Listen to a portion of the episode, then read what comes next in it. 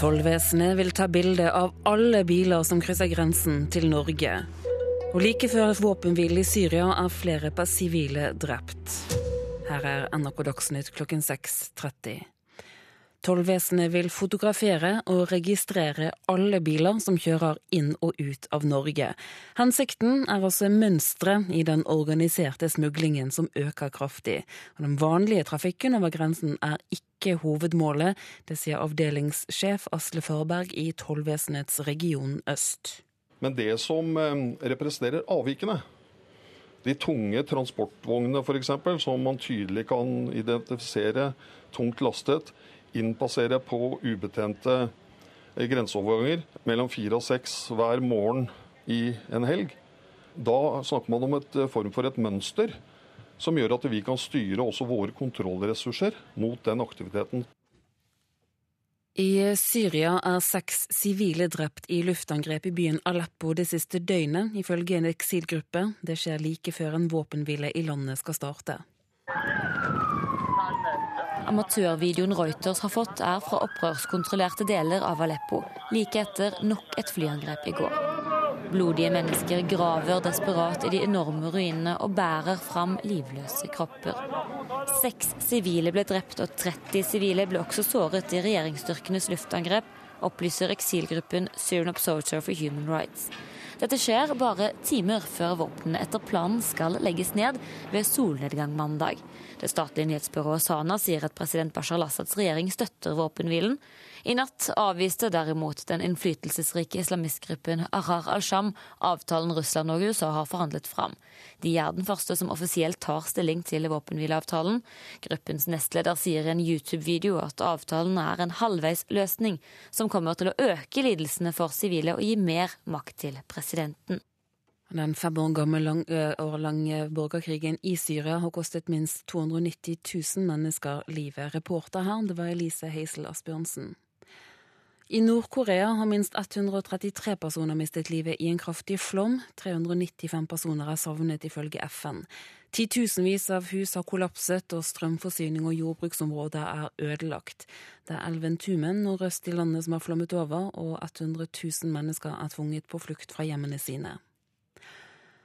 Prisen på strøm i Norge kan bli dobbelt så høy dersom private selskaper får legge kraftkabler til utlandet, mener tidligere informasjonssjef i Statoil Hogne Hongseth. Kraftprisene i Europa er høyere enn i Norge, og Hongseth er redd for at friflyt kan gjøre at Norge følger resten av Europa på pris. NRK Dagsnytt, Turi Grønbekk.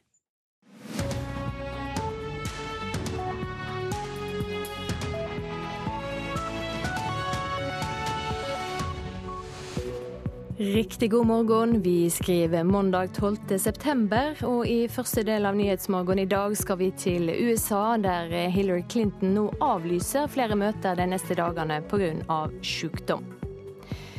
Folk mener de trenger en pensjon som tilsvarer 70% av sluttlønna eller mer, men de er ikke interessert i å stå lenger i jobb for å få det til. Jeg hadde lyst til å ta i hvert fall et gull her og endelig dag tre. Det var da det, var da det skjedde. Ja, Sara Louise Rung tok en overlegen siger på 100 meter bryst i natt og sikra det første norske gullet i Rio. I studio i dag Silje Sande. I USA har altså den demokratiske presidentkandidaten Hillary Clinton avlyst ei planlagt reise til California denne veka av omsyn til helsa. Det skjer bare timer etter at den 68 år gamle presidentkandidaten brått forlot en minneseremoni i New York i går etter å ha følt seg dårlig, forteller vår USA-korrespondent Tove Bjørgaas. Hun ble rett og slett uvel på denne minneseremonien på Ground Zero i New York, og forlot den etter ca. 1 12 time. Og da falt hun sammen på vei inn i bilen, noe som ble filmet med et mobilkamera. og Den videoen går selvfølgelig nå sin seiersgang på sosiale medier her. Et par timer etter opplyste kampanjen hennes at hun på fredag fikk diagnosen lungebetennelse, og at hun nå får antibiotika for det. Hvorfor får dette så stor oppmerksomhet? Det som har vært tilfellet med Hillary Clinton, det er at i årevis så har motstanderne hennes på republikansk side hevdet at hun har helseproblemer som hun skjuler.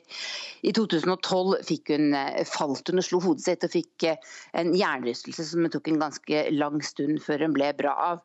Eh, men allerede da og allerede før det så har det blitt hevdet at hun er. Og, og, på Twitter så skrives det i dag at hun har Parkinsons og mange andre ting. Det er i det hele tatt på, på litt mer sånne sladreaviser på nettet, og spesielt på Twitter. veldig veldig mange konspirasjonsteorier rundt dette. Og Det at Clinton-kampanjen ikke opplyste om denne lungebetennelsen, det er nok et eksempel også på at det er et slags ja, hemmelighetskremmeri rundt denne kampanjen som noen ganger kan være litt unødvendig, fordi det skaper denne typen spekulasjoner. Og Nå avlyser hun altså programmet de neste to dagene. Hvordan vil det påvirke valgkampen?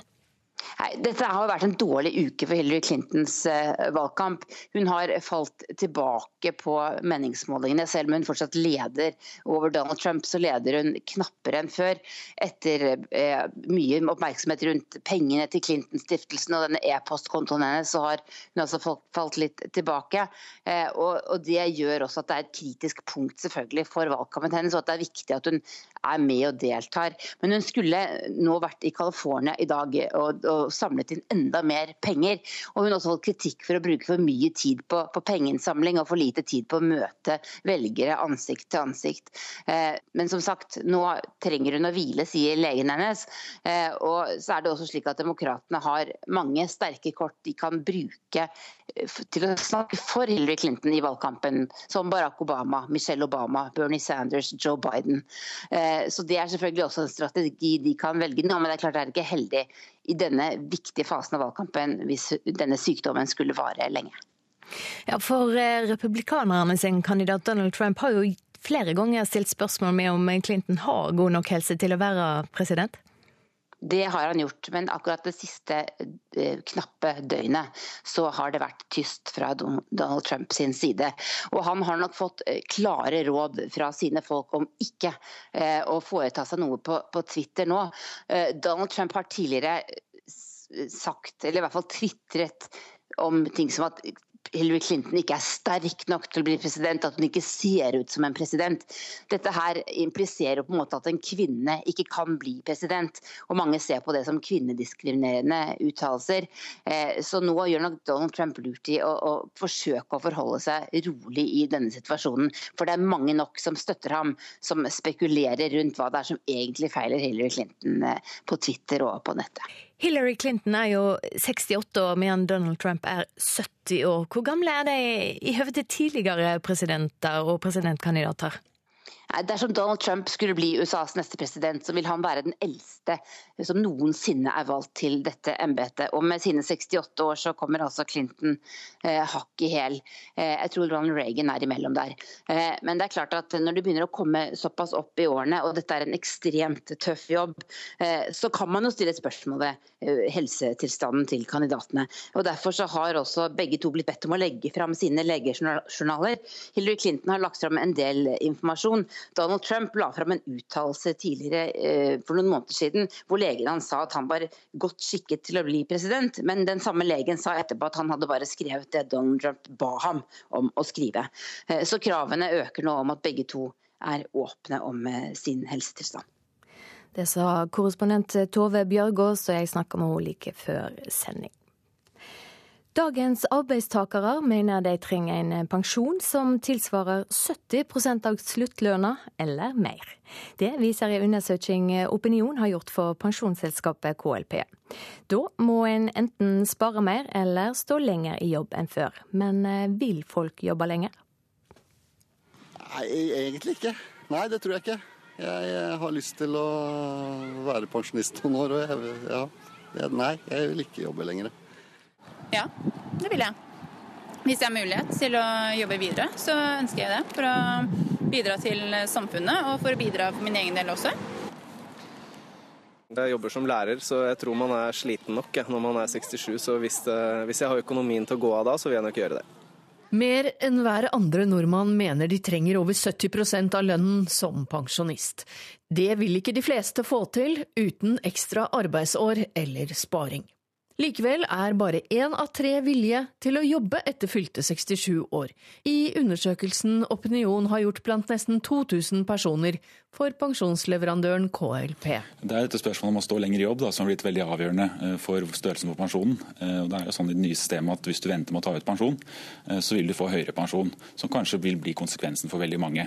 Det sier fagdirektør Morten Gjelstad i KLP. Samtidig så er det litt vanskelig spørsmål å få klare tanker om, spesielt fra de yngre, i forhold til å si noe om hvor lenge man ønsker å stå i jobb. Er vanskelig som 30-åring.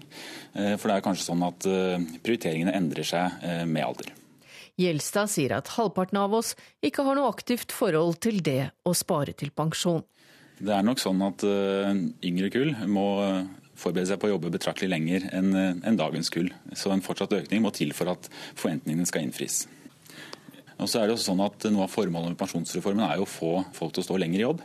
Eh, så Hvis konsekvensen av dette blir at folk står lenger i jobb, så vil det jo være store samfunnsøkonomiske gevinster av nettopp det og hver fjerde som ble spurt, sier klart nei til å jobbe lenger for å få en høyere pensjon. Det synes ikke pensjonsekspert Agnes Bergo i Pengedoktoren er så rart. Noen finner livskvalitet i et høyt forbruk. Uteliv, mange og hyppige reiser, stadige oppussingsprosjekter. Det er klart at Hvis livskvaliteten ligger i å bruke mye penger, da trenger du en høy pensjon for å leve et godt liv. Men andre av oss vi finner livskvalitet i å lese og gå tur i skog og mark og være sammen med familien. Og det koster ikke så mye. Slik at Hvis det er der livskvaliteten ligger, så behøver du heller ikke så høy pensjon for å få det godt som pensjonist. Reportasjen var laga av Hedvig Bjørgum og Johan B. Settem. Vi skal ta en kikk på dagens avisoppslag. Klassekampen skriver om USA og Russland sin fredsplan for Syria. En fredsavtale gjør det mulig å få inn nødhjelp, men inneholder ikke noe politisk løsning. I stedet vil de to landene samarbeide om å jakte på jihadister. 84 000 pendler til Oslo hver dag. Det er like mange som tallet på innbyggere i Kristiansand. Nå skal Aftenposten teste hva som er den beste måten å pendle på, og de ber leserne om å fortelle om sine jobbreiser. Fortell ungdom at jomfruhinna ikke finnes, er overskrifta i Vårt Land. Legestudent Ellen Støkken Dahl mener den kristne nettstaden gutt og jente guttogjente.no ikke gjør nok for å problematisere omgrepet. Det største ungdomsmagasinet i landet, Top Girl, sier til avisa at de har slutta å bruke ordet jomfruhinne. Dette er også hovedsaker i Adresseavisen i dag, som skriver at minoritetsjenter oppsøker lege for å få ny jomfruhinne. De er redde for ikke å blø på bryllupsnatta. Enkelte drar til utlandet for å sy inn ei pute med blod. Sylvi Listhaug er mer populær enn noen gang, ifølge Dagbladet. 41% mener Listhaug gjør en god jobb som minister, mens 26% mener hun gjør en dårlig jobb. Eksperter forklarer støtta med at mange er opptatt av innvandringspolitikk, at Listhaug bruker et folkelig språk, og at hun går knallhardt i konflikt med andre i politikken. Menn er offer for hvert tiende partnerdrap, skriver VG i dag. Mens tallet på andre typer drap har gått ned de siste åra, har tallet på partnerdrap holdt seg relativt stabilt. Også Nordlys skriver om partnerdrap. Nær halvparten av alle drap i Norge i fjor var nettopp partnerdrap. To ganger på kort tid har tragedien råka i nord. Forrige uke skjedde det i Kirkenes, da ei 37 år gammel kvinne og sønnen hennes ble drepne. Ledelsen knebler legene, sier stortingspolitiker Kjersti Toppe til Bergensavisen. Helsepersonell har mista jobben etter å ha snakka med Toppe, som er sjokkert over fryktkulturen. Norske flyterigger må bygges om etter at ei kjempebølge førte til dødsulykke i desember i fjor, skriver Dagens Næringsliv. 17 vinduer i Bustad-delen av riggen ble knust av den ekstreme bølga, og modellforsøk som er gjort i etterkant, fører nå til strengere krav. Og Denne veka er oljeminister Tord Lien på besøk i Israel. Arbeiderpartiets Truls Wickholm frykter at Norge skal hjelpe Israel å utvinne gass i omstridte områder, og ber ministeren om å holde seg langt unna. Det skriver Dagsavisen. Så skal vi ha sport. Svømmeren Sara Louise Rung tok altså en overlegen gullmedalje på 100 meter bryst i Paralympics i Rio de Janeiro i natt. Nå har hun tre medaljer på tre forsøk i mesterskapet. Så er det en kjempe, kjemperesultat her på 100 meter bryst. Det blir gull til Sara Louise Rung, og nå kan hun bare nyte resten av lekene i Rio. Sølvet går til Giretti, bronsen til God. Men hun utklasser de andre her. Sara Louise Rung fikk endelig sin gullmedalje etter sølv og bronse tidligere. Og hun var helt overlegen på 100 meter bryst. Hun fikk det til å se lett ut og fosset inn til sterke 1.44,94. Gratulerer med gull, Sara Louise Rung. Hvordan er det? Ja, det er deilig å slå inn først. Det er det. Det det er en øvelse jeg har kontroll på. Det føltes riktig. Endelig ble det et gull til Norge i Rio. Hva går inn i hodet ditt? Eh, nei, det var deilig. Det Endelig tok jeg det skrittet som måtte til opp på pallen. og Det var det, det jeg har ventet på. Jeg hadde lyst til å ta i hvert fall et gull her, og endelig dag tre. Det var da det, var da det skjedde. Medaljefangsten for Rung er ikke over i Rio. Allerede i dag svømmer hun 50 meter fri. Rung er blant Norges aller største medaljehåp i Rio. I Paralympics i London for fire år siden tok hun to gull og to sølv, og målet hennes før Rio var å toppe denne innsatsen. Reportere Anders Engeland og Pål Thomassen. Hovedsaker her i Nyhetsmorgen, og klokka er 6.46. I USA har den demokratiske presidentkandidaten Hillary Clinton avlyst møter de neste dagene pga. sykdom. Tollvesenet vil lagre foto av alle biler som krysser grensa til Norge. Massiv overvåking, mener Datatilsynet. Dette blir det mer om litt etter klokka sju her i Nyhetsmorgen. Og mange vil ha svært høy pensjon, men de vil ikke jobbe lenger for å få det.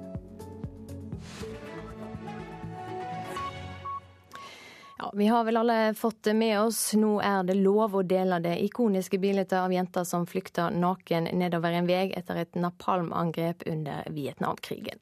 Fredag kveld avgjorde nettgiganten Facebook at de ville godta dette etter massivt press fra bl.a. Aftenposten og statsminister Erna Solberg. Og dette sa Solberg til NRK da avgjørelsen var klar.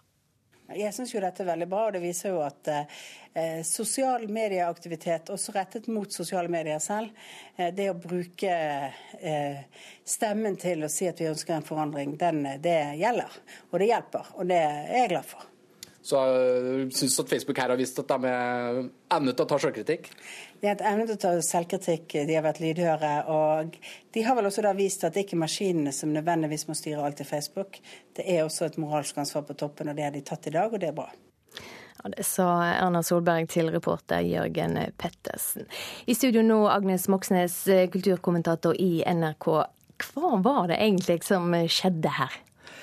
Ja, altså, Spørsmålet Erna Solberg stiller, og som mange har stilt seg denne helgen, det er jo om Facebook virkelig er tilsnakkende. De gikk med på å vise, altså tillate bruk av dette bildet fra Vietnamkrigen. Spørsmålet er jo om de virkelig da har tenkt å ta på alvor den rollen de har, også å liksom fortelle den usminkete delen av, av eh, verdenshistorien. Facebook er jo et privat selskap. Hva ansvar har de da når det kommer til ytringsfridom?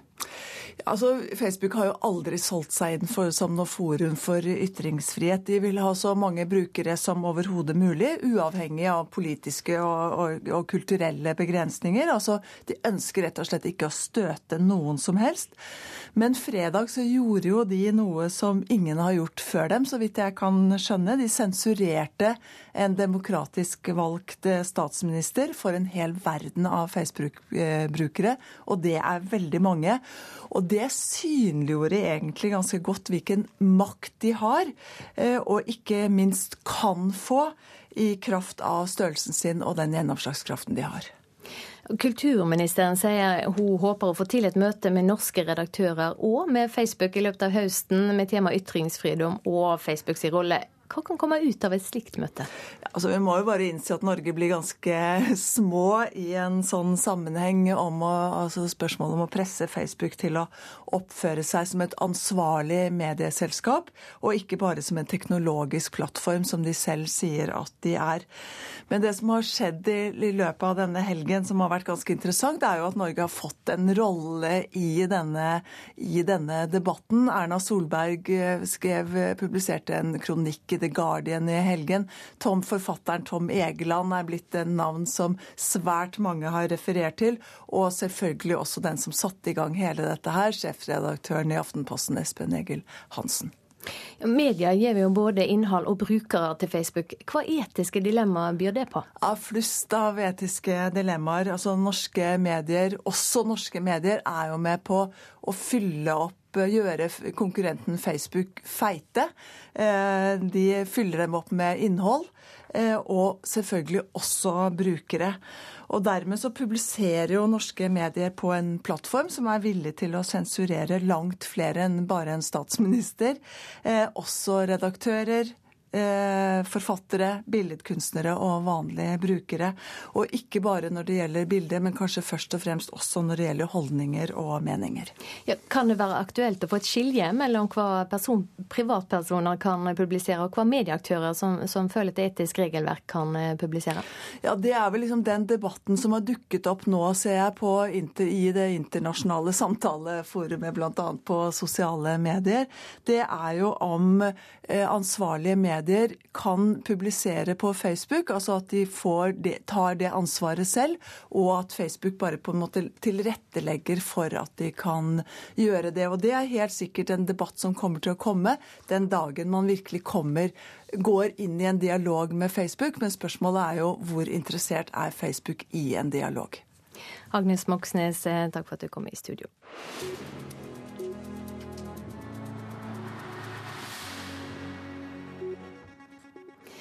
Bergen internasjonale filmfestival, BIFF, har den omstridte dokumentarfilmen eh, The Magnitsky Act på programmet.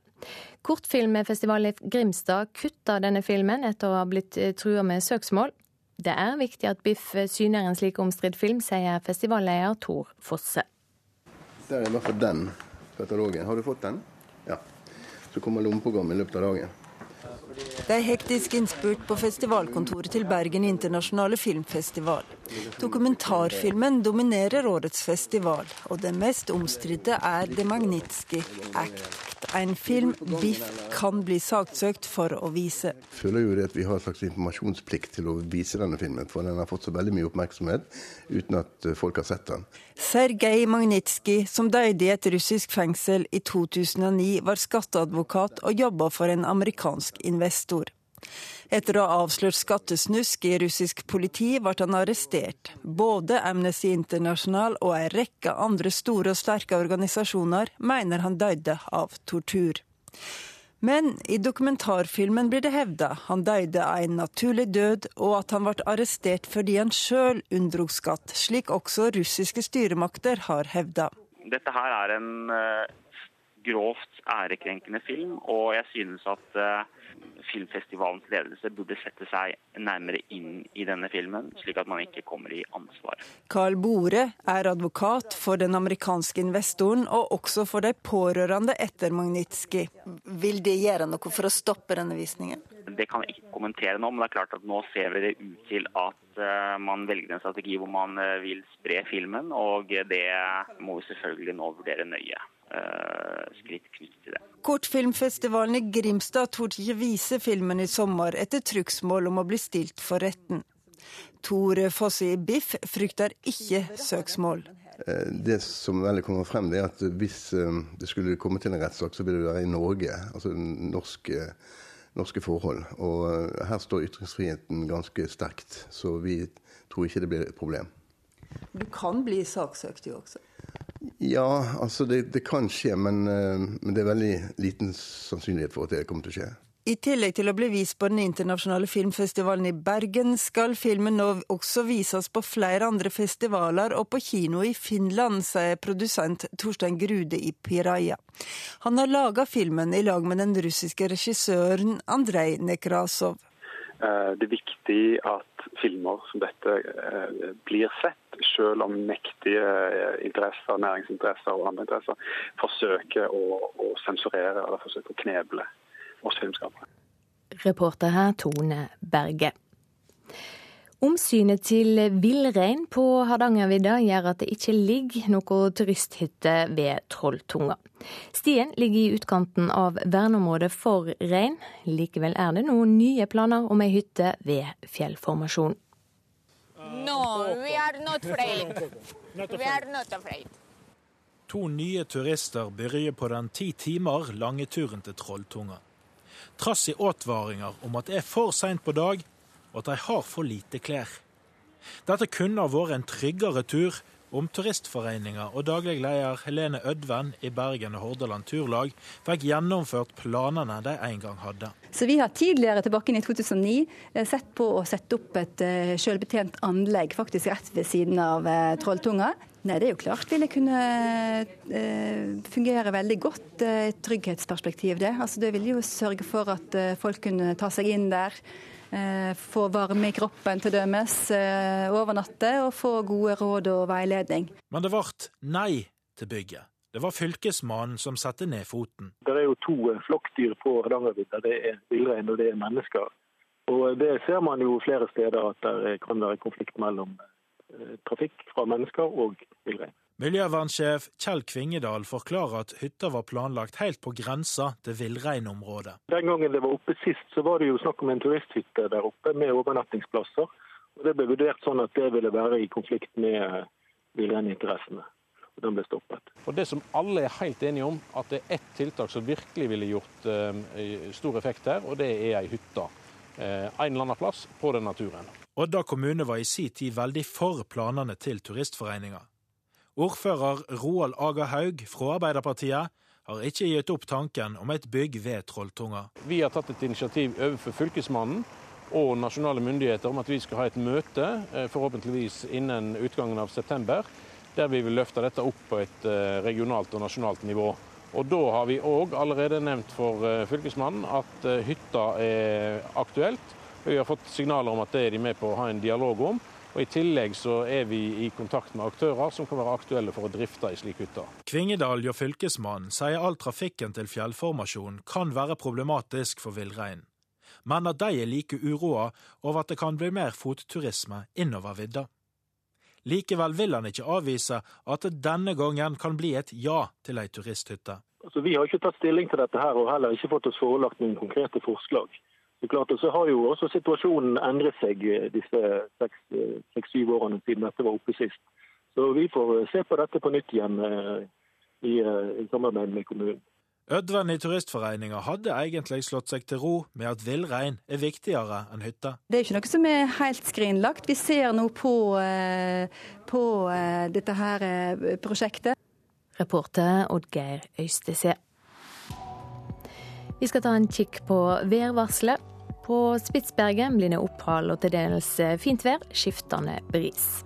I Finnmark og Troms blir det opp til liten kuling, etter hvert frisk bris mellom nordøst og nordvest, og regnbyger. Nordland får forbigående vestlig, opp i stiv kuling i Lofoten og Vesterålen. Utover dagen minkende til bris. Enkelte regnbyger, etter hvert mindre byger og lettere skydekke sørfra. I Trøndelag og Møre og Romsdal blir det opphold og lange perioder med sol, lite vind. På Vestlandet sør for Stad blir det til dels fint vær i nord. I Rogaland mer skyer og kanskje spredd regn i sør. Sørøst opp i stiv kuling på kysten. Fjellet i Sør-Norge og østafjells blir det opphold og en del sol. Fra om ettermiddagen mer skyer i sørlige områder. Kan hende litt spredd regn sør i Agder. Sørlig bris. Så har vi temperaturlista. Temperaturene var målt eh, klokka fem. Svalbard lufthavn én grad, Kirkenes og Vardø åtte. Alta og Tromsø-Langnes ti. Bodø elleve, Brønnøysund ti. Trondheim-Værnes åtte. Molde ti. Bergen-Flesland og Stavanger hadde begge 13 grader. Kristiansand-Kjevik åtte. Gardermoen fem. Lillehammer seks. Røros der var det målt to grader, og på Blindern i Oslo ble det målt åtte grader klokka fem.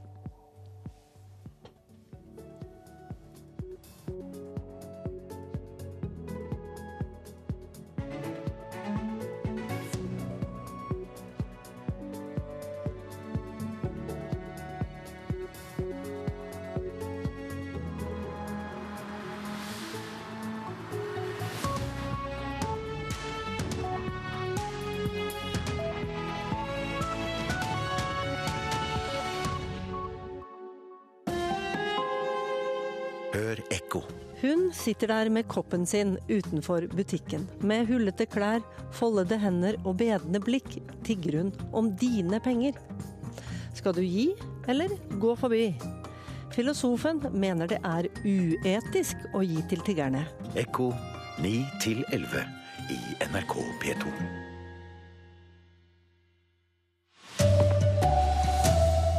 Mange nordmenn vil ha høy pensjon, men vil ikke jobbe lenger for å få den. Og i USA avlyser Hillary Clinton reiser pga. helsen. Her er NRK Dagsnytt klokken sju. Mer enn hver andre nordmann mener de trenger over 70% av lønnen når de blir pensjonister. Det viser en undersøkelse Opinionen har gjort for pensjonsselskapet KLP. Da må de enten spare mer eller jobbe lenger enn før, og det er det mange som ikke vil, sier fagdirektør Morten Gjelstad i KLP. Først og fremst synes jeg det er et tydelig signal fra folket eh, om at eh, de ønsker å opprettholde livsstilen sin når de går over i pensjonistenes rekker. Og så er jo spørsmålet Hva blir konsekvensen av det, når man merker at her er det ikke helt samsvar mellom det jeg forventer og eh, det jeg får. Og Da er det jo to konsekvenser. Enten så må man stå lenger i jobb, eller så må man da spare mer. Og Det som kanskje er litt eh, bekymringsfullt, er fra våre tidligere undersøkelser hvor vi ser at eh, over halvparten ikke har noe aktivt forhold til det eh, å spare noe mer. I USA har den demokratiske presidentkandidaten Hillary Clinton avlyst en planlagt reise til California denne uken av hensyn til helsen.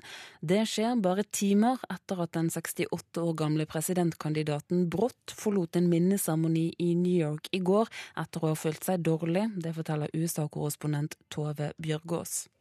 Hun eh, ble rett og slett uvel på denne minneseremonien eh, på Ground Zero i New York og forlot den etter ca. 1 12 time. Og da falt hun sammen på vei inn i bilen, noe som ble filmet eh, med et mobilkamera. og Den videoen går selvfølgelig nå sin seiersgang på sosiale medier her. Et par timer etter opplyste kampanjen hennes at hun på fredag fikk diagnosen lungebetennelse, og at hun nå får antibiotika for det. Og nå avlyser hun altså programmet de neste to dagene. Hvordan vil det påvirke valgkampen? Nei, dette har vært en dårlig uke for Hillary Clintons uh, valgkamp. Hun har falt tilbake på meningsmålingene. Selv om hun fortsatt leder over Donald Trump, så leder hun knappere enn før. Etter eh, mye oppmerksomhet rundt pengene til Clinton-stiftelsen og denne e-postkontoen hennes, så har hun altså falt litt tilbake. Eh, og, og, Det gjør også at det er et kritisk punkt selvfølgelig for valgkampen hennes, og at det er viktig at hun er med og deltar. Men som sagt, nå trenger hun å hvile, sier legen hennes. Tove Bjørgaas ble intervjuet av Silje Sande. Sara Louise Rung tok sitt og Norges første gull i årets Paralympics i natt. Hun var overlegen og vant 100 meter bryst på tiden 1.44,94. Og det er 26-åringens 43. internasjonale medalje. Sølvet gikk til italienske Julia Giretti, mens Singapores Teresa Go tok bronsen. NRK Dagsnytt, Turi Grønbekk. Her i Nyhetsmorgen skal vi straks høre at tollvesenet vil lagre foto av alle biler som krysser grensa til Norge. Ikke alle synes det er en god idé. En av de er på, på plass i studio her hos oss. Bøndene sitt kjøttsamvirke bytter ut egne IT-tilsatte med et indisk selskap. De frykter for tap av omdømme, men føler de ikke har noe valg. Og ved solnedgang i kveld skal ei våpenhvile tre i kraft i Syria. Det håper iallfall Russland og USA, som står bak avtalen. Vi skal høre hva folk i den syriske byen Aleppo tror om våpenhvila.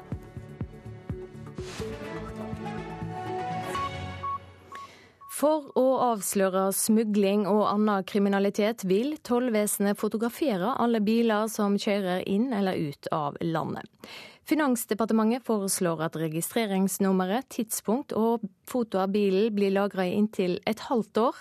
Datatilsynet mener det vil være massiv overvåking av millioner av mennesker som ikke har gjort noe gale. På disse TV-skjermene så ser vi jo da informasjon fra de skiltgjenkjenningssystemene som vi har utplassert eh, langs grensen mot eh, Sverige. Avdelingssjef i tollvesenet Asle Farberg ser på skjermene på Ørje tollsted i Østfold. Herifra kontrollerer de biler fra Sverige på E18 og flere ubetjente grenseoverganger i området. Alle biler og registreringsnummer blir fanga opp av datamaskinen. Noen gang kommer et nummerskilt opp i farge på skjermen. Et tegn på om dette transportmiddelet er aktuelt for en tollkontroll. Stortinget har vedtatt kameraovervåking og skiltgjenkjenning på fergeleier med utenlandsforbindelse, og på alle de nesten 80 kjørbare grenseovergangene til Sverige, Finland og Russland. Nå ønsker tollvesenet å lagre bilde av bilen, registreringsnummeret og hva tid du kjørte inn eller ut i en database i et halvt år. Statssekretær Jørgen Nesje i Finansdepartementet forstår ønsket fra tollerne. De kriminelle er blitt mye mer profesjonelle og kyniske. De har ofte motspaning når de eh, passerer grensen. Og da må vi også gi tollerne et godt verktøy for å kontrollere målrettet. Men direktør i Datatilsynet Bjørn Erik Thon mener tollvesenet legger opp til masseovervåking av uskyldige. For de aller aller fleste som passerer grensen, de har jo ikke gjort noe galt. De har vært på en Sverigetur eller hva det måtte være og ikke gjort noe feil i hele tatt. Eh, og da er det prinsipielt feil at de skal eh, registreres uten at det er en meget god grunn for det. Og den begrunnelsen mener vi at ikke tollvesenet har kommet opp med. Datatilsynet er òg redd for at andre enn tollvesenet kan bli interessert i opplysningen som lagres på grensa. Det kan være politi, det kan være skattevesenet, det kan eh, være Nav. Også er interessert i disse dataene for å se hvor folk har vært, for å etterforske sak på sitt område. Finansdepartementets Jørgen Nesje sier de tar innvendingen alvorlig. Derfor skal vi vurdere dette veldig nøye før vi eventuelt fremmer forslag for Stortinget. Stadig oftere kjører biler lasta med sprit, sigaretter eller narkotika over grensa til Norge. Og oftere enn før er det store vogntog full av smuglervarer, sier Asle Farberg. Eh, senest i forrige uke på Svinesund så resulterte det i et beslag på rundt 22 000 liter alkohol. Avgiftsunndragelse 1,3 millioner kroner i én og samme bil. Ivar Sæter har hytta ikke langt fra Ørje, og kjører ofte over grensa. Han syns ikke det er noe problem å havne i registeret. Hvis man har rent mel i posen, så har man da eh, rent mel i posen. Hvis ikke, så ligger man tynt an. Reporter Kjartan Rørslett. Med meg i studio nå, advokat i Norges Automobilforbund, André Fimreite. God morgen. Morgen. Ja, Hva synes det NAF om dette ønsket fra tollvesenet om å lagre foto av alle grensepasseringer i et halvt år? Nei, det syns vi er en veldig dårlig idé, eh, av flere grunner. Eh, eh, en slik masseregistrering er definitivt imot, og håndverket som er nedlagt i dette forslaget, er i beste fall mangelfullt. Vi i NAF har det grunnleggende prinsipp at hvis ikke man bryter noen lover og regler, så skal man kunne kjøre i trafikken uten å bli overvåket og lagret. Hvorfor er det problematisk dersom en har rent mjøl i posen? Ja, Det er ikke det som er problemstillingen. Ehm, eh, Riksadvokat Bush sa for et par uker siden i et intervju her i NRK at det må være et mål å beholde den demokratiske og liberale rettsstaten som vi har. Og da, da, da følger, skal man følge de reglene som gjelder for personopplysninger. Tollvesenet sier den organiserte kriminaliteten blir mer utspekulert og kynisk, og de mener det er nødvendig å lagre informasjon for å finne mønster og kunne spane. Bør de ikke få det verktøyet de mener de trenger for å gjøre jobben sin? Nei, nå har jo Tollvesenet selv sagt at når de har fått anledning til, til å, å, bruke kameraovervåking og registreringsnummers gjenkjenning, så har beslagene deres økt med 50-60% Og de kan lagre eller oppbevare disse dataene i inntil en time. Og da burde mye være gjort i løpet av en time. Eh, dette forslaget her eh, minner litt om kjekt å ha.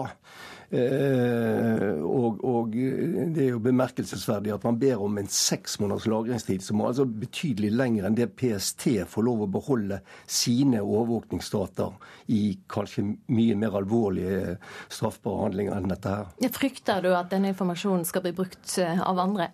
Definitivt. Eh, og det er jo derfor både Grunnloven og, altså grunnloven og eh, mens, eh, Europeiske menneskerettskonvensjon slår jo fast at man har krav og rett på et privatliv.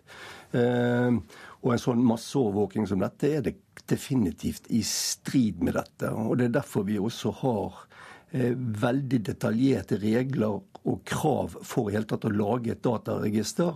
Og det er jo et, en av grunnene til det er at det kan bli misbrukt av andre. Det skal ha et formål hvorfor man oppretter et sånt register. Vi hører her en bilist som synes dette er helt greit. Tror du NAF representerer folk flest i denne saka?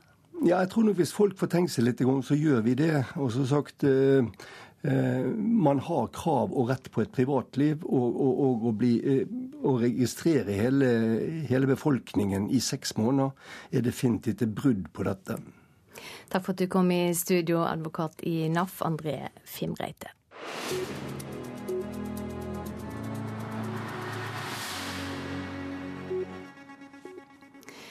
Så skal vi høre at eh, bøndene sitt kjøttsamvirke Nortura planlegger å flagge ut drifta av IT-tjenester til et indisk selskap.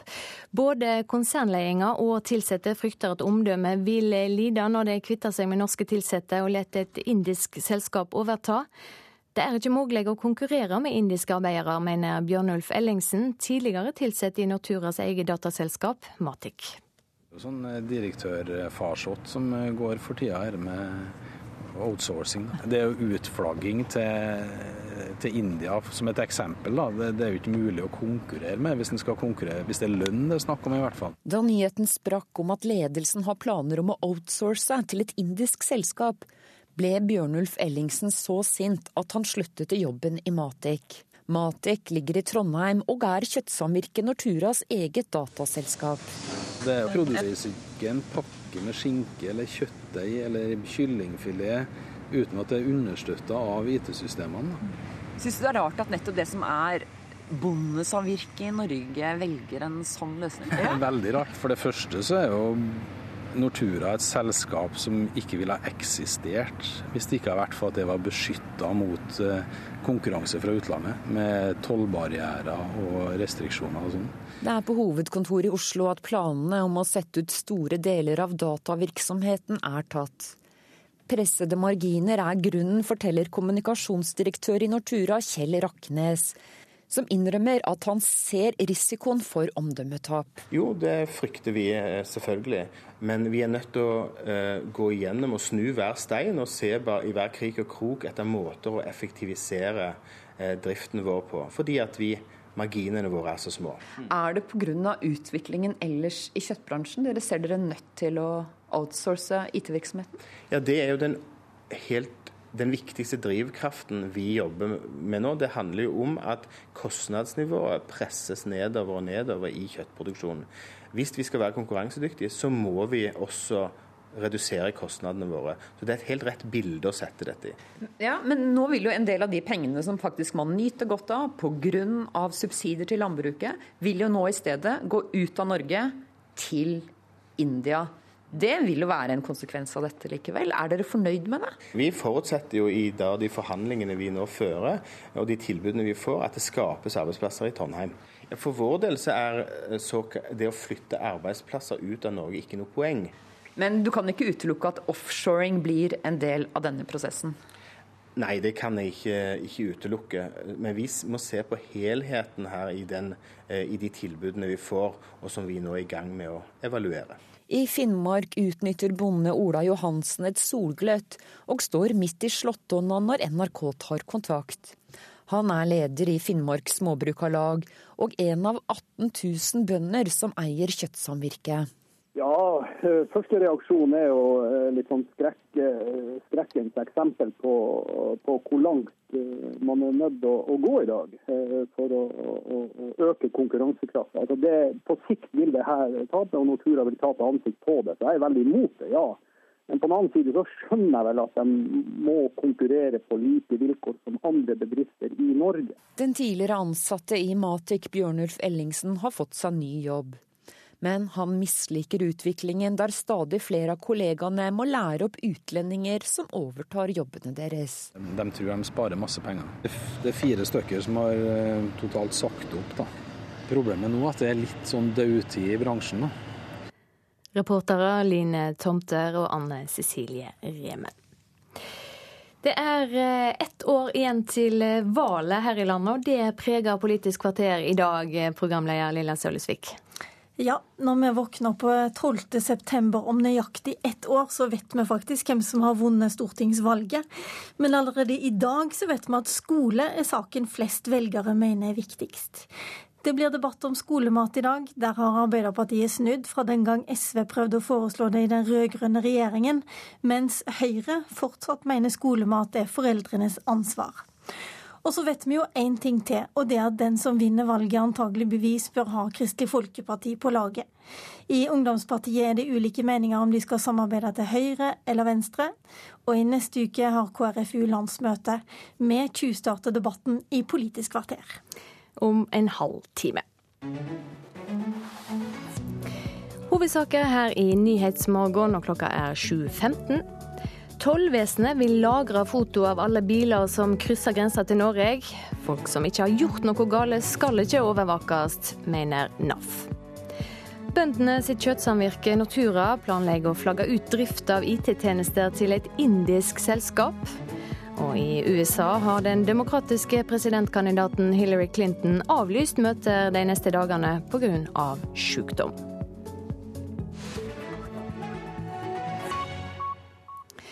Ved solnedgang i kveld skal ei våpenhvile tre i kraft i Syria. Det håper iallfall Russland og USA, som står bak avtalen som ble gjort i helga. En plan de håper kan være med på å løse den blodige konflikten i Syria, men i byen Aleppo har de sine tvil. Vi er for det meste for den amerikansk-russiske avtalen.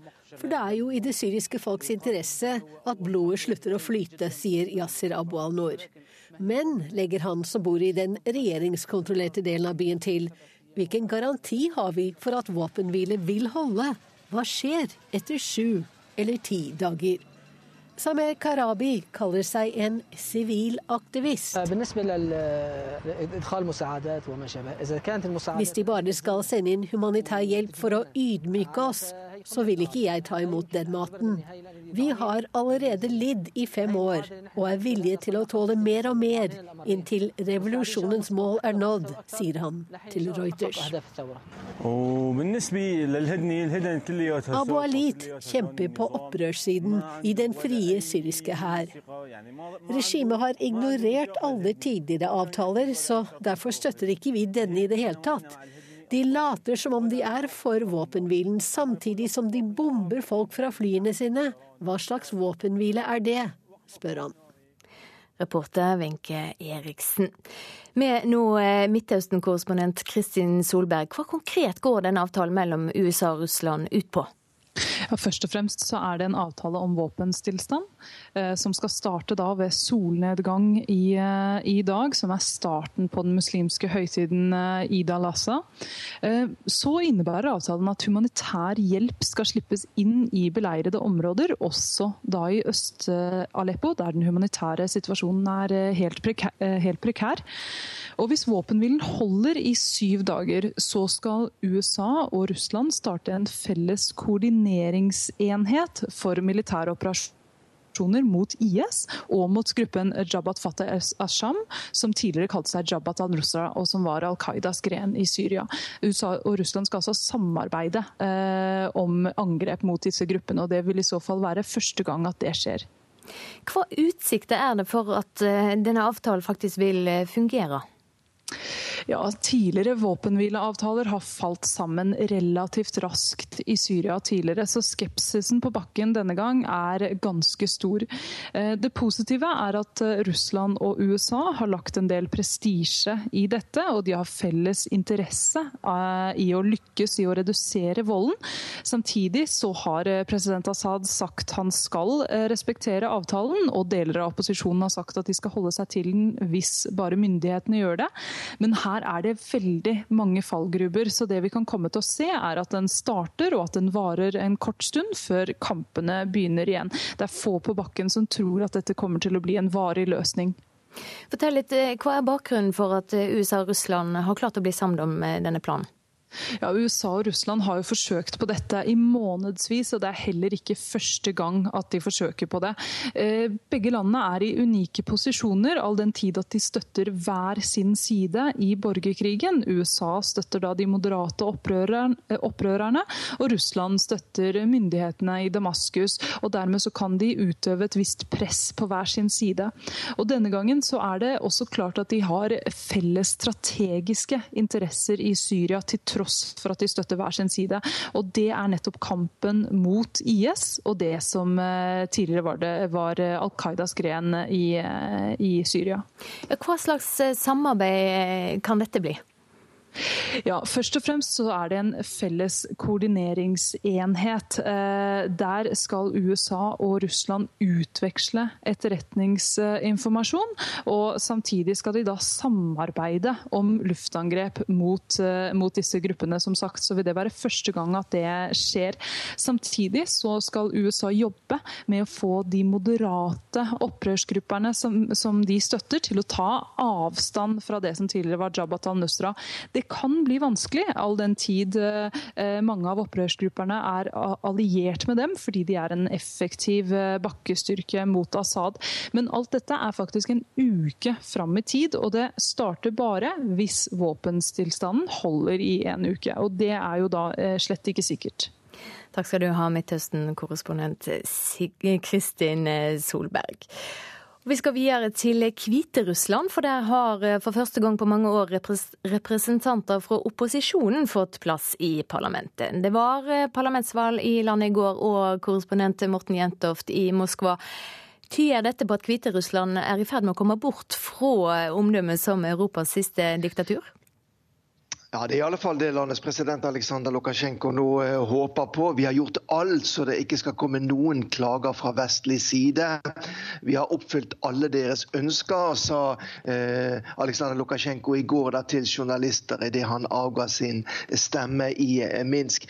Eh, og Det er klart at det er, eh, det er vel alle også enige om, det er en viss en framgang i Hviterussland når det gjelder arbeidet med å få til mer demokratiske valg. og resultatet ser vi altså eh, to representanter eh, fra opposisjonen. Eh, Anna Konopolskaja fra Minsk og Jelena Anisim. Den siste kanskje mer kjent for sin kamp for det hviterussiske språket, de kommer inn i parlamentet, som har 110 medlemmer. Sånn at Det er jo en liten fremgang at opposisjonen er eh, representert. Men samtidig så sier jo alle kritikere at eh, det er langt fram for Hviterussland. Under valgkampen så brukte eh, staten og Lukasjenko sitt regime alle ressurser for å sikre at deres folk ble innvalgt i parlamentet. Men samtidig så ser det ut til at selve valget har vært gjennomført på noenlunde demokratisk måte. Nå har, nå har Organisasjonen for sikkerhet og samarbeid i Europa og OSSE hatt observatører til stede i Hviterussland. og De skal legge fram en rapport senere i dag der det er ventet at de kommer til å være kritisk til eh, selve valgkampen, men kanskje understreke at dette er en framgang. Ja, hva ønsker president Lukasjenko å oppnå når han eh, i litt større grad tillater opposisjonen å komme til orde? Ja, eh, Han ønsker nok eh, økte økonomiske kontakter vestover. Tidligere også opphevet jo bl.a. EU, inklusive Norge, eh, sine sanksjoner mot Hviterussland. Lukasjenko han sliter økonomisk. Hviterussland hadde en kraftig nedgang i økonomien i fjor, på 4 Skyldes nok mye økonomiske, de økonomiske problemene som er i nabolandet Russland. Nedgangen den fortsetter i år. Han har søkt om et lån på mer enn 25 milliarder norske kroner hos Det internasjonale pengefondet. Eh, det, helt, det er helt avhengig av at eh, landet får et bedre rykte når det gjelder eh, demokratiske rettigheter. Sånn at Dette henger nok sammen med at Lukasjenko og Hviterussland i større grad ønsker økonomiske kontakter vestover. Takk skal du ha, korrespondent Morten Jentoft i Moskva. Vi skal ta en kikk på dagens eh, avisoppslag. Klassekampen skriver om USA og Russland sin fredsplan for Syria. En fredsavtale gjør det mulig å få inn nødhjelp, men inneholder ikke noe politisk løsning. I stedet vil de to landene samarbeide om å jakte på jihadister. 84 000 pendler til Oslo hver dag. Det er like mange som tall på innbyggere i Kristiansand. Nå skal Aftenposten teste hva som er den beste måten å pendle på. De ber leserne om å fortelle om sine jobbreiser. Fortell eh, ungdom at jomfruhinna ikke fins, er overskrifta i Vårt Land. Legestudent Ellen Støkkendal mener den kristne nettstaden gutt og jente.no ikke gjør nok for å problematisere omgrepet. Det største ungdomsmagasinet i landet, Top Girl, sier til avisa at de har slutta å bruke ordet jomfruhinne. Og Det handler det også om i Adresseavisen i dag. De skriver at minoritetsjenter oppsøker lege for å få ny jomfruhinne. De er redde for å ikke blø på bryllupsnatta. Enkelte drar til utlandet for å sy inn ei pute med blod. Sylvi Listhaug er mer populær enn noen gang, ifølge Dagbladet. 41% mener Listhaug gjør en god jobb som minister, mens 26% mener hun gjør en dårlig jobb. Eksperter forklarer støtta med at mange er opptatt av innvandringspolitikk, at Listhaug bruker et folkelig språk, og at hun går knallhardt i konflikt med andre i politikken. Menn er offer for hvert tiende partnerdrap, skriver VG i dag. Mens tallet på andre typer drap har gått ned de siste åra, har tallet på partnerdrap holdt seg relativt stabilt. Ledelsen knebler legene, sier stortingspolitiker Kjersti Toppe til Bergensavisen. Helsepersonell har mista jobben etter å ha snakka med Toppe, som er sjokkert over fryktkulturen. Norske flyterigger må bygges om etter at ei kjempebølge førte til dødsulykke i desember i fjor, skriver Dagens Næringsliv. 17 vinduer i Bustad-delen av riggen ble knust av den ekstreme bølga, og modellforsøk som er gjort i etterkant, fører nå til strengere krav.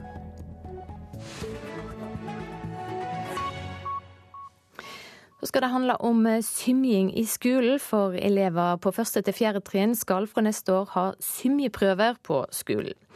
Prøvene, med helt eh, tydelige mål, er frivillige dette året, men blir obligatoriske fra neste høst. Og det kan føre til at elever som sliter med å klare testen, må få spesialundervisning i bassenget.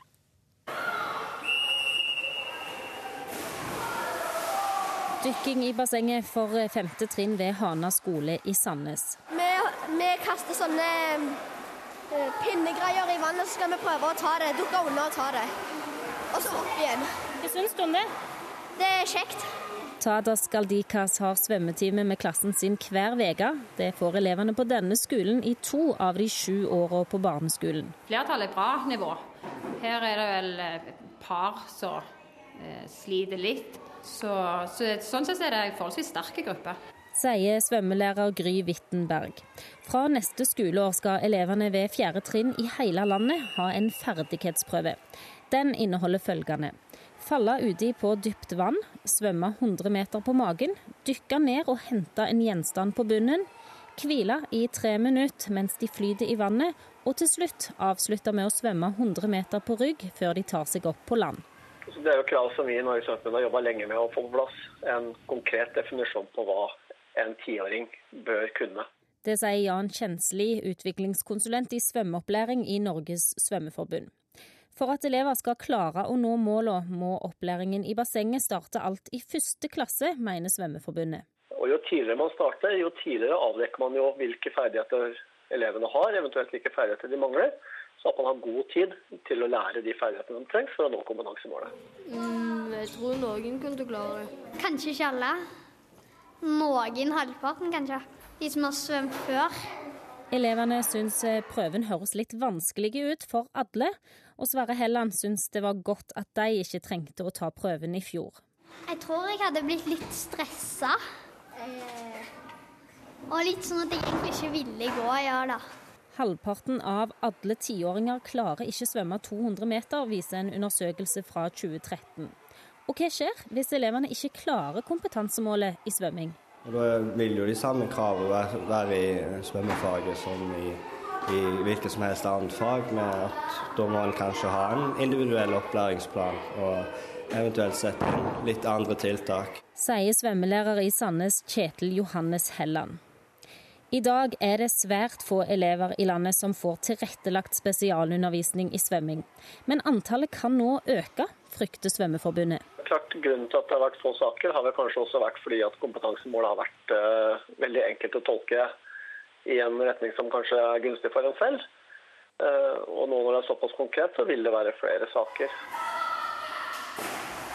og mer tid i vannet, enten på skolen eller fritida. Det har ikke elevene i Sandnes noe imot. Jeg liker veldig godt å svømme, fordi når det er sol, så spør jeg alltid mor om jeg kan eh, svømme. Reporter i Sandnes, det var Cecilie Berntsen Ljåsund. Straks tid for Dagsnytt. I reportasjen etterpå skal det handle om valgkampen i USA. Det som kan avgjøre valget der, er hvem som ikke kommer til å røyste. Produsent for Nyhetsmorgen, Kari Bekken Larsen. I studio, Silje Sande.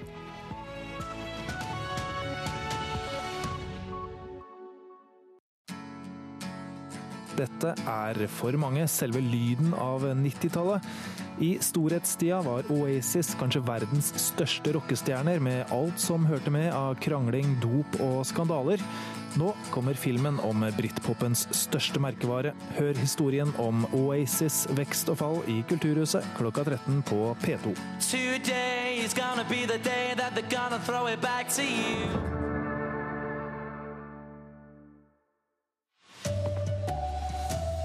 Tollvesenet vil ta bilde av alle biler som krysser grensen. Masseovervåkning, mener Datatilsynet. Hillary Clintons helse er nok en gang tema i USA. Nå avlyser hun valgkamptur pga. sykdom. Og mange nordmenn vil ha svært høy pensjon, men de vil ikke jobbe lenger for den. Riktig god morgen, her er NRK Dagsnytt klokken er 7.30. Tollvesenet vil fotografere alle biler som kjører inn og ut av Norge, for å bekjempe smugling og annen kriminalitet. Finansdepartementet foreslår å lagre bilde av bilen i inntil et halvt år. Datatilsynet mener det vil være en massiv overvåkning av millioner av mennesker som ikke har gjort noe galt. På TV-skjermene så ser vi jo da informasjon fra de um, skiltgjenkjenningssystemene som vi har utplassert. Avdelingssjef i tollvesenet Asle Farberg ser på skjermene på Ørje tollsted i Østfold. Herifra kontrollerer de biler fra Sverige på E18 og flere ubetjente grenseoverganger i området. Noen gang kommer et nummerskilt opp i farge på skjermen. Et tegn på om dette transportmiddelet er aktuelt for en tollkontroll. Stortinget har vedtatt kameraovervåking og skiltgjenkjenning på alle de nesten 80 kjørbare grenseovergangene til Sverige, Finland og Russland. Nå ønsker tollvesenet å lagre bilder av bilen, registreringsnummeret og hva tid du kjørte inn eller ut i et halvt år. Statssekretær Jørgen Nesje i Finansdepartementet forstår ønsket fra tollerne. De kriminelle er blitt mye mer profesjonelle og kyniske. De har ofte motspaning når de eh, passerer grensen. Og da må vi også gi tollerne et godt verktøy for å kontrollere målrettet. Men direktør i Datatilsynet Bjørn Erik Thon mener tollvesenet legger opp til masseovervåking av uskyldige. De aller aller fleste som passerer grensen, de har jo ikke gjort noe galt. De har vært på en sverigetur eller hva det måtte være og ikke gjort noe feil i hele tatt. Eh, og da er det prinsipielt feil at de skal eh, registreres uten at det er en meget god grunn for det. Stadig oftere kjører biler lasta med sprit, sigaretter eller narkotika over grensa til Norge. Eh, senest i forrige uke på Svinesund så resulterte jo det i et beslag på rundt 22 000 liter avgiftsunndragelse 1,3 millioner kroner i én og samme bil. Reporter var Kjartan Rørslett. I USA har Hillary Clinton fått lungebetennelse, og hun avlyser pengeinnsamlingsturen til California. Det har også tidligere vært stilt spørsmål ved helsen til Clinton. En fin dag for minnemarkeringa for 11. september i New York i går. Men litt seinere måtte Clinton ha støtte for ikke å deise i bakken. Heiteslag heter det først, da hun fikk hjelp av vaktene til å komme seg inn i en bil. Seinere på dagen ble Hillary Clinton filma da hun kom fra dattera, da i bedre form, og vinkende til kamera. Men diagnosen er lungebetennelse, og pengeinnsamlingsreisa til California er avlyst.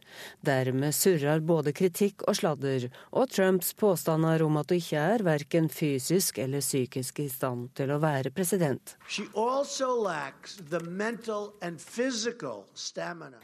Clinton får også høre at hun heller burde møte folk enn å samle inn penger. Det er et dårlig tidspunkt å få nye spørsmål om helsa er god nok til å stille som president. De to kandidatene har måttet legge fram legeattest, men ifølge media skal legen til Trump enkelt og greit ha skrevet det han ba om. Og akkurat i dag er Trump på 70, nok i bedre dagsform enn Clinton på 68, men trolig frisk nok til å skyte giftpiler tilbake til sin erkerival. Det sa reporter Sigrun Slapgard. Seks sivile er drept i luftangrep i den syriske byen Aleppo det siste døgnet, ifølge en eksilgruppe, og det skjer like før en våpenhvile i landet skal starte. Den fem år lange borgerkrigen har kostet minst 290 000 mennesker livet. Amatørvideoen Reuters har fått, er fra opprørskontrollerte deler av Aleppo, like etter nok et flyangrep i går. Blodige mennesker graver desperat i de enorme ruinene og bærer fram livløse kropper. Seks sivile ble drept og 30 sivile ble også såret i regjeringsstyrkenes luftangrep opplyser eksilgruppen Syrian Observatory for Human Rights. Dette skjer bare timer før våpnene etter planen skal legges ned ved solnedgang mandag. Det statlige nyhetsbyrået Sana sier at president Bashar al-Assads regjering støtter våpenhvilen, i natt avviste derimot den innflytelsesrike islamistgruppen Ahrar al-Sham avtalen Russland og USA har forhandlet fram. De er den første som offisielt tar stilling til våpenhvileavtalen. Gruppens nestleder sier i en YouTube-video at avtalen er en halvveisløsning som kommer til å øke lidelsene for sivile og gi mer makt til presidenten. Det sa reporter Lise Heisel Asbjørnsen. Én av tre nordmenn vil ha en pensjon som tilsvarer 70 av sluttlønnen eller mer. Det viser en undersøkelse. Men da må de enten spare mer eller jobbe lenger enn før. Men de færreste er interessert i å jobbe lenger. Nei, egentlig ikke. Nei, det tror jeg ikke. Jeg har lyst til å være pensjonist noen år. Og jeg, ja, nei, jeg vil ikke jobbe lenger. Jeg jobber som lærer, så jeg tror man er sliten nok når man er 67. Så hvis, det, hvis, jeg har økonomien til å gå av da, så vil jeg nok gjøre det. Mer enn hver andre nordmann mener de trenger over 70% av lønnen som pensjonist. Det vil ikke de fleste få til uten ekstra arbeidsår eller sparing. Likevel er bare én av tre villige til å jobbe etter fylte 67 år, i undersøkelsen Opinion har gjort blant nesten 2000 personer for pensjonsleverandøren KLP. Det er nok sånn at uh, yngre kull må eh, forberede seg på å jobbe betraktelig lenger enn uh, en dagens kull. Så en fortsatt økning må til for at forventningene skal innfris. Det sier fagdirektør Morten Gjelstad i KLP og hver fjerde som ble spurt, sier klart nei til å jobbe lenger for å få en høyere pensjon. Det synes ikke pensjonsekspert Agnes Bergo i Pengedoktoren er så rart. Hvis livskvaliteten ligger i å bruke mye penger, da trenger du en høy pensjon for å leve et godt liv. Men andre av oss vi finner livskvalitet i å lese og gå tur i skog og mark og være sammen med familien. Og det koster ikke så mye. Så behøver du heller ikke så høy pensjon. Reportere her Hedvig Bjørgum og Johan Settem. Bøndenes kjøttsamvirke Nortura planlegger å flagge ut driften av IT-tjenester til et indisk selskap. Både konsernledelsen og ansatte frykter at omdømmet vil lide når de kvitter seg med norske ansatte og lar et indisk selskap overta driften. Det er ikke mulig å konkurrere med indiske arbeidere, mener Bjørnulf Ellingsen, tidligere ansatt i Norturas dataselskap Matik. Sånn eh, direktørfarsott som eh, går for tida her med outsourcing. Det er jo utflagging til, til, India som et eksempel. Da. Det, det, er jo ikke mulig å konkurrere med hvis, konkurrere, hvis det er lønn det er snakk om i hvert fall. Da nyheten sprakk om at ledelsen har planer om å outsource til et indisk selskap, ble Bjørnulf Ellingsen så sint at han sluttet i jobben i Matic. Matek ligger i Trondheim og er kjøttsamvirket Norturas eget dataselskap. For det første så er jo Nortura et selskap som ikke ville ha eksistert hvis det ikke hadde vært for at det var beskytta mot eh, konkurranse fra utlandet. Og at de da skal sette ut sine egne ansatte i en sånn urettferdig konkurranse mot eh, indiske eh, arbeidere. Så det må ha noe å si for, for Nortura sitt omdømme, mener jeg. Det er på hovedkontoret i Oslo at de har igangsatt planene om å sette ut store deler av datavirksomheten til et indisk selskap. Men kommunikasjonsdirektør i Nortura, Kjell Raknes, innrømmer at han ser risikoen for omdømmetap. Jo, det frykter vi eh, selvfølgelig. Men vi er nødt til å uh, gå igjennom og snu hver stein og se i hver krik og krok etter måter å effektivisere uh, driften vår på. Fordi at vi, marginene våre er så små. Reportere Line Tomter og Anne Cecilie Remen. Og så til Paralympics i Rio de Janeiro, der svømmeren Sara Louise Rung tok en overlegen gullmedalje på 100 meter bryst i natt, og nå har hun tre medaljer på tre forsøk i mesterskapet. Det blir gull til Sara Louise Rung, og nå kan hun bare nyte resten av lekene i Rio. Sara Louise Rung fikk endelig sin gullmedalje etter sølv og bronse tidligere. Og hun var helt overlegen på 100 meter bryst. Hun fikk det til å se lett ut og fosset inn til sterke 1.44,94. Ja, det er deilig å slå en først. Det er det. det. Det er en øvelse jeg har kontroll på. Det føltes riktig. Endelig ble det et gull til Norge i Rio. Hva går inn i hodet ditt? Uh, nei, det var deilig. Det, endelig tok jeg det skrittet som måtte til opp på pallen. og Det, var, det det jeg venter på. Jeg hadde lyst til å ta i hvert fall et gull her, og endelig dag tre. Det var da det, var da det skjedde. Og reportere her, det var Anders Engeland og Pål Thomassen. Ansvarlig for NRK Dagsnytt denne morgenen, det er Arne Fossland. Her i studio, Turi Grønbøk.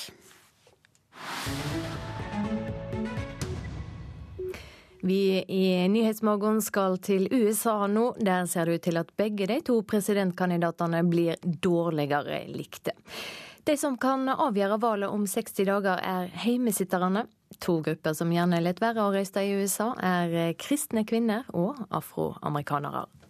Your values of love, charity and faith built this nation. Han snakker roligere enn han ofte gjør. Om å være snill mot sin neste om de kristne verdiene USA er tuftet på. Donald Trump får applaus, om ikke stormende. Men salen er i det minste full. Og her på Verdivelgernes toppmøte, den kristne høyresidens årlige konferanse i Washington, mener flere jeg snakker med at Trump er blitt mye bedre de siste månedene. The fourth time I've heard him, uh, and compared to back in October, November, I saw him in Raleigh, North Carolina, and he's very, he seems like he's figuring it out. Sier Laura Licata fra Virginia, som har sett Donald Trump på scenen før. Hun er viktig for ham. Da George W. Bush vant presidentvalgene i 2000 og 2004, var det ikke minst fordi evangelisk kristne kvinner stemte på ham i store antall. Vi vet at Trump har slått langt bedre an hos menn enn hos kvinner så langt. Derfor intervjuer jeg bare kvinner her på konferansen. Og de fleste av dem, som Dawn fra vippedelstaten Ohio, mener selv de motvillige til slutt kommer til å stemme på Trump. For de vil til enhver pris unngå at Hillary Clinton havner i Det hvite hus. For henne er uttalelser som denne selvsagt ikke positive. Hillary Clinton did, Dette er den afroamerikanske aktivisten Omar Johnson som advarer svarte mot å stemme på Clinton. Bill Clinton innførte i 1994 en lov som slo knallhardt ned på kriminalitet, og banet vei for at en svimlende andel svarte menn i USA i dag sitter i fengsel. Ferske meningsmålinger viser at mange unge afroamerikanere ikke lar seg engasjere av Hillary Clinton, og ikke er sikre på om de vil stemme, til tross for at foreldrene deres støtter opp om henne. Vil hun egentlig kjempe for oss, spør de seg. Og dessuten mener borgerrettsgrupper de kan bevise at svarte velgere blir systematisk undertrykket i mange sørstater fortsatt. I Atlanta kjemper Nse Ofot mot dette. Hun leder The New Georgia Project, som forsøker å få flere svarte i Georgia til å stemme ved dette valget. For den vanligvis republikanske sørstaten kan havne på vippen denne gangen, hvis mange nok afroamerikanere stiller opp. In the last minute, the county board of elections voted to move the, one of the polling pre, polling locations in the county with the highest uh, percentage of African Americans inside of a sheriff's station. I en kommune i nærheten her flyttet det lokale valgstyret valglokalet fra en skole til en politistasjon, forteller Ofot. Hun mener dette ble gjort for å skremme svarte velgere fra å stemme. And this is a community where there's a long history of um, sort of bad blood uh, and. Etter mange klager og trusler om søksmål ble stemmelokalet flyttet til en kirke i stedet. Det blir en kamp om hver eneste stemme i november. Men både i Georgia og andre steder skal det kanskje mer til enn rettighetsarbeid for å få folk til å stemme denne gangen. Det sa vår USA-korrespondent Tove Bjørgaas. Overskrifter her hos oss i det klokka straks er 7.45. Tollvesenet vil lagre foto av alle biler som krysser grensene. Masseovervåking, mener Datatilsynet. Også bilistorganisasjonen NAF er kritisk. En undersøking syner at mange mener de trenger en pensjon som tilsvarer 70% av sluttlønna eller mer, men de er ikke interessert i å stå lenger i jobb for å få det til.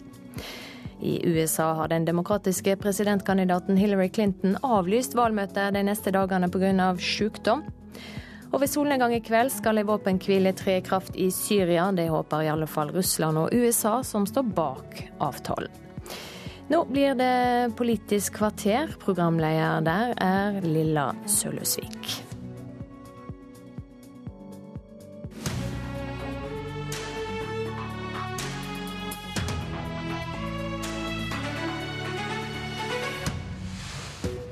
Om ett år vet vi hvem som har vunnet valget. I dag vet vi at skole er den viktigste saken for velgerne. Og vi vet at eh, hvem det nå enn er som skal regjere, bør de ha KrF med på laget. Velkommen til Politisk kvarter den 12. september. Om nøyaktig ett år er det faktisk dagen derpå, og vi vet hvem som vant valget. Men allerede nå vet vi at skole er den viktigste saken for velgerne, og de velgerne skal dere vinne ved å tilby skolemat, Ingvild Kjerkol. Du sitter i programkomiteen til Arbeiderpartiet og er også stortingsrepresentant i helse- og omsorgskomiteen. Hvorfor er det så viktig at skolen, ikke foreldrene, står for skolematen? Det som er viktig med å innføre et enkelt skolemåltid, det er at vi vet at tidlig innsats er den beste effekten, det er det beste tiltaket for å hjelpe på folkehelsa. Så har Arbeiderpartiet en rekke tiltak for å bedre læring i skolen. Sånn at eh, et skolemåltid for alle, det er først og fremst et bidrag for folkehelsa. Og så vet vi at det er god sammenheng mellom det å spise ernæringsmessig riktig og det å evne til å ta til seg læring. Men Arbeiderpartiet har også veldig mange gode forslag som satser på kunnskap i utdanningsløpet. Hva er det som har skjedd på elleve år? Da vant dere valget sammen med SV, og dere i Arbeiderpartiet sørga for at det aldri ble noe av SV-løftet om gratis skolemat for alle. Vi innførte jo gratis frukt og grønt, da, så litt gjorde vi på de årene. Og det er sant som du sier at SV har hatt dette forslaget lenge, som en del av heldagsskolen. Vi mener at et enkelt skolemåltid det vil være bra, og vi er klare til å innføre det nå. Det vedtok vårt landsmøte i 2015, og det mener vi er et av de største løftene for folkehelse. Det, det, som vi vet er at det med feilernæring og overvekt og livsstilssykdommer det er på økende front. Og det her er helseproblemer som mange av våre unge vil bære med seg resten av livet. Og det å kunne komme inn tidlig, utjevne forskjellene, bidra til riktig kost og ernæring, det anbefaler ikke bare Arbeiderpartiet, det anbefaler også Helsedirektoratet til Bent Høie. Så det er god politikk det for framtida. Men hvis det er så viktig, så dere foreslår jo ikke å innføre skolemat nå i høst. Dere foreslår et, et prøveprosjekt i 50 kommuner, og det er også foreldrene som skal betale. Ja, nå i høst så vil vi foreslå en prøveordning med 50 kommuner. Det er fordi at vi står midt i perioden og må forhandle om de budsjettrammene som også regjeringspartiene er med å legge premissene for. Så vi kommer til å foreslå det i Stortinget, eh, hvor man eh, innfører en, eh, en prøveordning. Og det er jo viktig å si at mange kommuner er i gang med det her i dag. Jeg besøkte Snåsa kommune i mitt hjemfylke senest på fredag. Der har de hatt dette tilbudet lenge. Det er noe som man er veldig fornøyd med. Man tilbyr varmmat to dager i uka, og brødmåltid og salat. Og det fungerer veldig godt. Og det, er helt riktig. Mm, det er helt riktig som du sier, Ingvild Kjerkol, at veldig mange kommuner har begynt med dette allerede. Så hvorfor er det da mm. så utrolig provoserende for Høyre? Kent Gudbrandsen, du sitter i utdanningskomiteen for Høyre. Ja, Kent Gudmundsen, ja. Eh, nei, altså, Vi vet jo at i dag så er ikke problemet at ikke elevene har med seg en sunn matpakke på skolen. En rapport fra Forskningsrådet viser jo at nærmere ni av ti allerede har det. Og Da må vi jo se på prioriteringer. Hva er det aller viktigste fremover? Det må jo være å sikre at ungene våre eh, får tidlig innsats innenfor å lese seg eh, opp på, på norsken og eh, regneferdighetene. Og sånn bidra til at flere fullfører og består grunnopplæring og videregående opplæring. Men Så, det er 15% som ikke har det, og ganske mange også som ikke spiser opp matpakken. Det vet de fleste av oss som har prøvd å smøre de. Ja, og dette her er jo også en annen ting som er interessant. Vi vet jo at nærmere bare halvparten av skolene våre har en 20 minutters matpause. Og da mener jo jeg at eh, Når vi ser at foreldrene løser dette fint, så bør ikke staten påta seg et milliardansvar når det neste store løftet burde være på kvalitet og innhold i skolen. Da burde vi heller la foreldrene løse dette fint og ta høyde for glutenallergier og andre forhold som skolen vil få kjempelogistikkutfordringer på, for ikke å snakke om alle de bygningsmessige investeringene som vi må ta innover oss.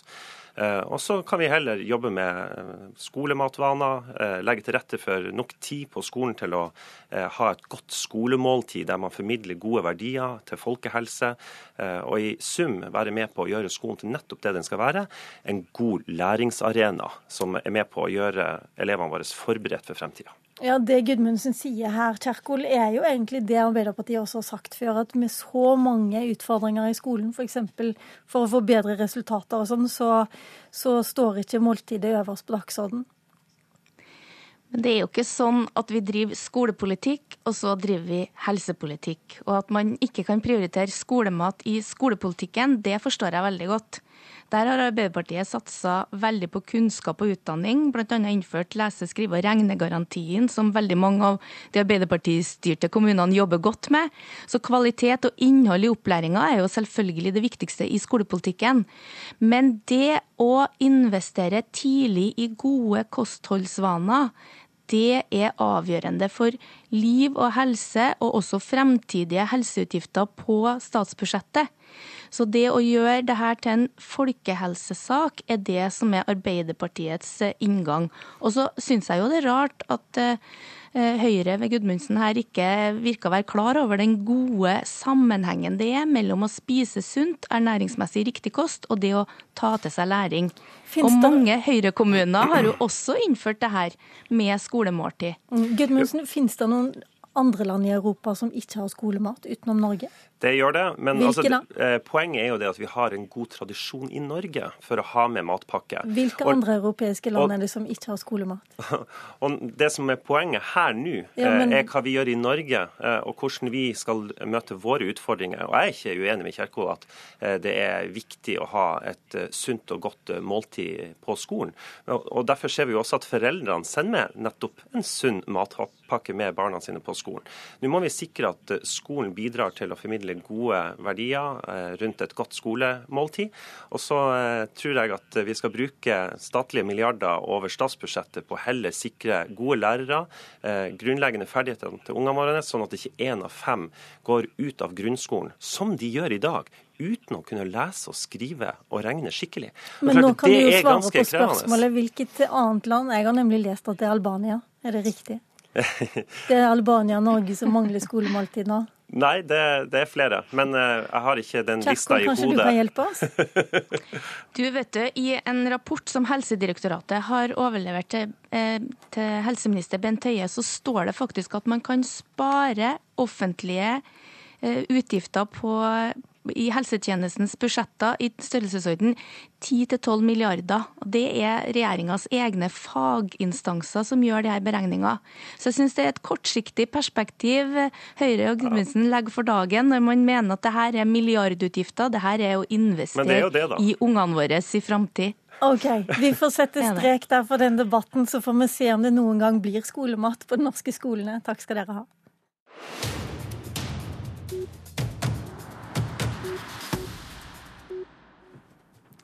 Når vi våkner opp om ett år, så vet vi hvem som skal styre landet. Eh, men mye vil være avhengig av hvem Kristelig Folkeparti har valgt å samarbeide med. Før helga fikk vi vite at Knut Arild Hareide han vil inn i regjering. Men hvem, hvem det skal være sammen med, det skal KrF bestemme seg for nå i høst. Først ut er dere i KrFU, som har landsmøte om halvannen uke. Og her i studio har jeg fått påtroppende nestleder Jarle Aabakkel Tollaksen. Du er uenig du, med ditt eget landsstyre, som har sagt at de vil samarbeide med Høyre og Frp, gjerne i regjering også. Hvorfor er du uenig? Sammen med syv fylkesledere så stiller jeg et alternativt forslag til eh, landsmøtet. Der løfter jeg fram KrF som et sentrumsparti, som mener at tyngdepunktet i norsk politikk det skal ligge i sentrum.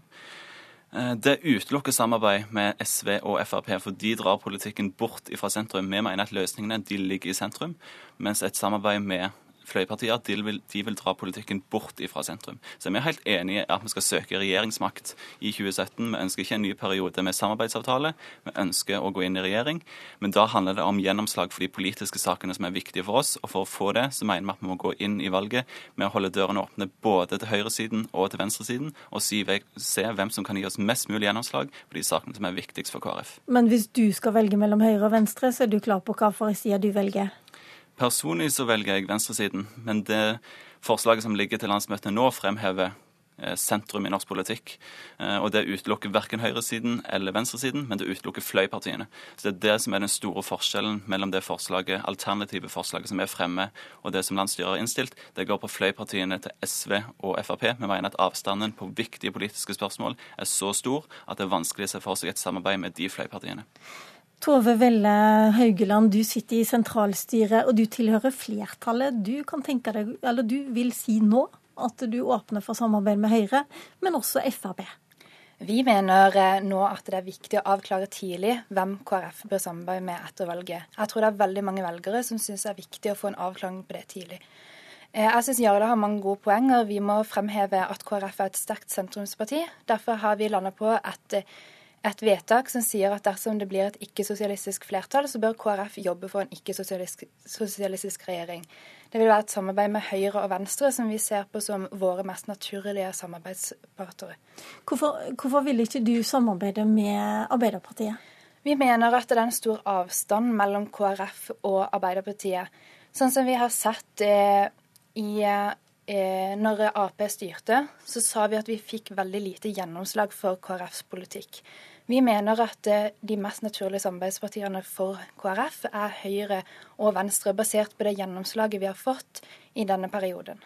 Ja, får dere ikke mer gjennomslag med Høyre og Frp-regjeringen, som er nå samarbeider med Venstre, enn, en dere ville fått med Arbeiderpartiet? Jeg tror at Hvis en ser på enkelte saker, som f.eks. Eh, den sosiale profilen når det gjelder eh, bistand og utvikling, når det gjelder utjevning av sosiale forskjeller, omfordeling av goder, så er det ganske stor avstand mellom KrF og Frp, og der har en mer eh, enighet med venstresiden. Så jeg tror at, jeg er helt enig med Tove at det er mange saker vi har til felles med høyresiden, men i tillegg så er det mange saker vi har til felles med venstresiden. Og det er det som er hovedpunktet her, at vi, vi står i sentrum, vi er enige med mange i mange saker på begge sider. Og så handler det om hvilke av de sakene er viktigst. Og så må en veie de sakene. og Det er det som er forskjellen på de som lander ned på høyresiden og på venstresiden. Vi er som regel enige om sakene, men så er det hvilke saker som veier tyngst, så som blir det avgjørende. Altså, I går kom en meningsmåling i VG som var bra for eh, KrF, men før det så var det to meningsmålinger der KrF var under sperregrensa. Har ikke Tove Velle Haugeland rett i at Eh, velgerne blir usikre når de ikke vet helt hvor noe går? Jeg tror det er vanskelig å si at det er grunnen til at Eh, vi har gjort det dårlig på noen meningsmålinger. Og så er det enkeltmålinger. Hvis en ser på snittet, så, så, er det ikke så dårlig. Eh, så jeg tror, og jeg tror det er vanskelig å peke på akkurat det at vi ikke har valgt side som er grunnen til det. Jeg tror at eh, velgerne ønsker gjennomslag for KrF sin politikk. Det mener jeg vi får mest mulig gjennomslag hvis vi går inn med å holde dørene åpne til både venstresiden og høyresiden. Jeg mener en av KrF sine absolutt styrker det er den, det at vi er blokkuavhengige. At vi kan samarbeide til både høyre og til venstre. Det har gitt oss mange viktige gjennomslag. Og jeg mener at hvis vi skal fortsatt få gjennomslag på viktige saker for oss, få en god sosial profil, så mener jeg at vi må holde dørene åpne, og ikke peke allerede nå på høyresiden. Men eh, Tollaksen han sier nei til fløypartiene, mens du Haugeland, du syns det kan være ålreit også å samarbeide med Frp i regjering? Vi har respekt for de store ulikhetene som er mellom KrF og Frp. Det er veldig stort sprik mellom politikken som Frp fører, og den politikken KrF mener er viktig. F.eks. på asyl og innvandring, f.eks. på klima og f.eks. På, eh, på utviklingspolitikk.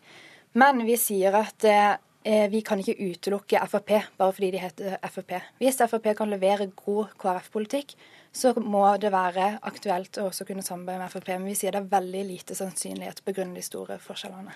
Dere er enige med lederen deres om at dere vil i regjering, åkke som? Vi vil i regjering. Ja, vi vil i regjering.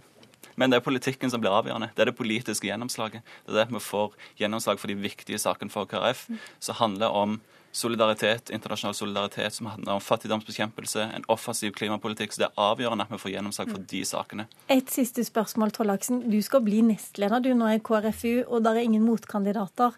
Hva gjør du hvis du ikke får flertallet med deg da? Jeg kommer til å forholde meg lojalt til det som landsmøtet vedtar. så Det er det ingen tvil om. Men så du går også inn i regjering med Frp og Høyre eh, om du taper? Jeg kommer til å forholde meg eh, lojalt til det som landsmøtet vedtar, men fram til da så kommer jeg til å kjempe for det standpunktet som jeg mener er riktig, nemlig sentrum, og holde dørene åpne til begge sider. Dette skal bli det neste årets store spørsmål, i hvert fall det store spørsmålet denne høsten. For eh, landsmøtet, eller landsstyret i KrF er ikke før i november. Og så er det landsmøte i KrFU om halvannen uke. Tusen takk skal dere ha. Tove Velle Haugeland og Jarle Aarbakke Tollaksen fra KrFU. Programleder i Politisk kvarter i dag, det var Lilla Sølhusvik. Hør oss igjen i morgen.